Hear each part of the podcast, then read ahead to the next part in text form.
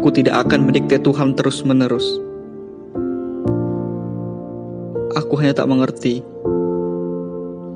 bagaimana bulan malam ini terus menertawaiku, meringkih suaranya hingga pengap menggema. Ia seperti ingin meruntuhkan tirani tuannya. Dan seiring waktu nanti berjalan, lalu bagaimana pandangan sang fajar gugur? Ketika ia melihat budaknya ternampar kaku. Tak bisa berdiri di atas kakinya sendiri. Jika diminta memaksa, sudah kutanggalkan semuanya. Kuseret pesona luruhnya hingga ia tidak berbekas. Namun aku bukan dia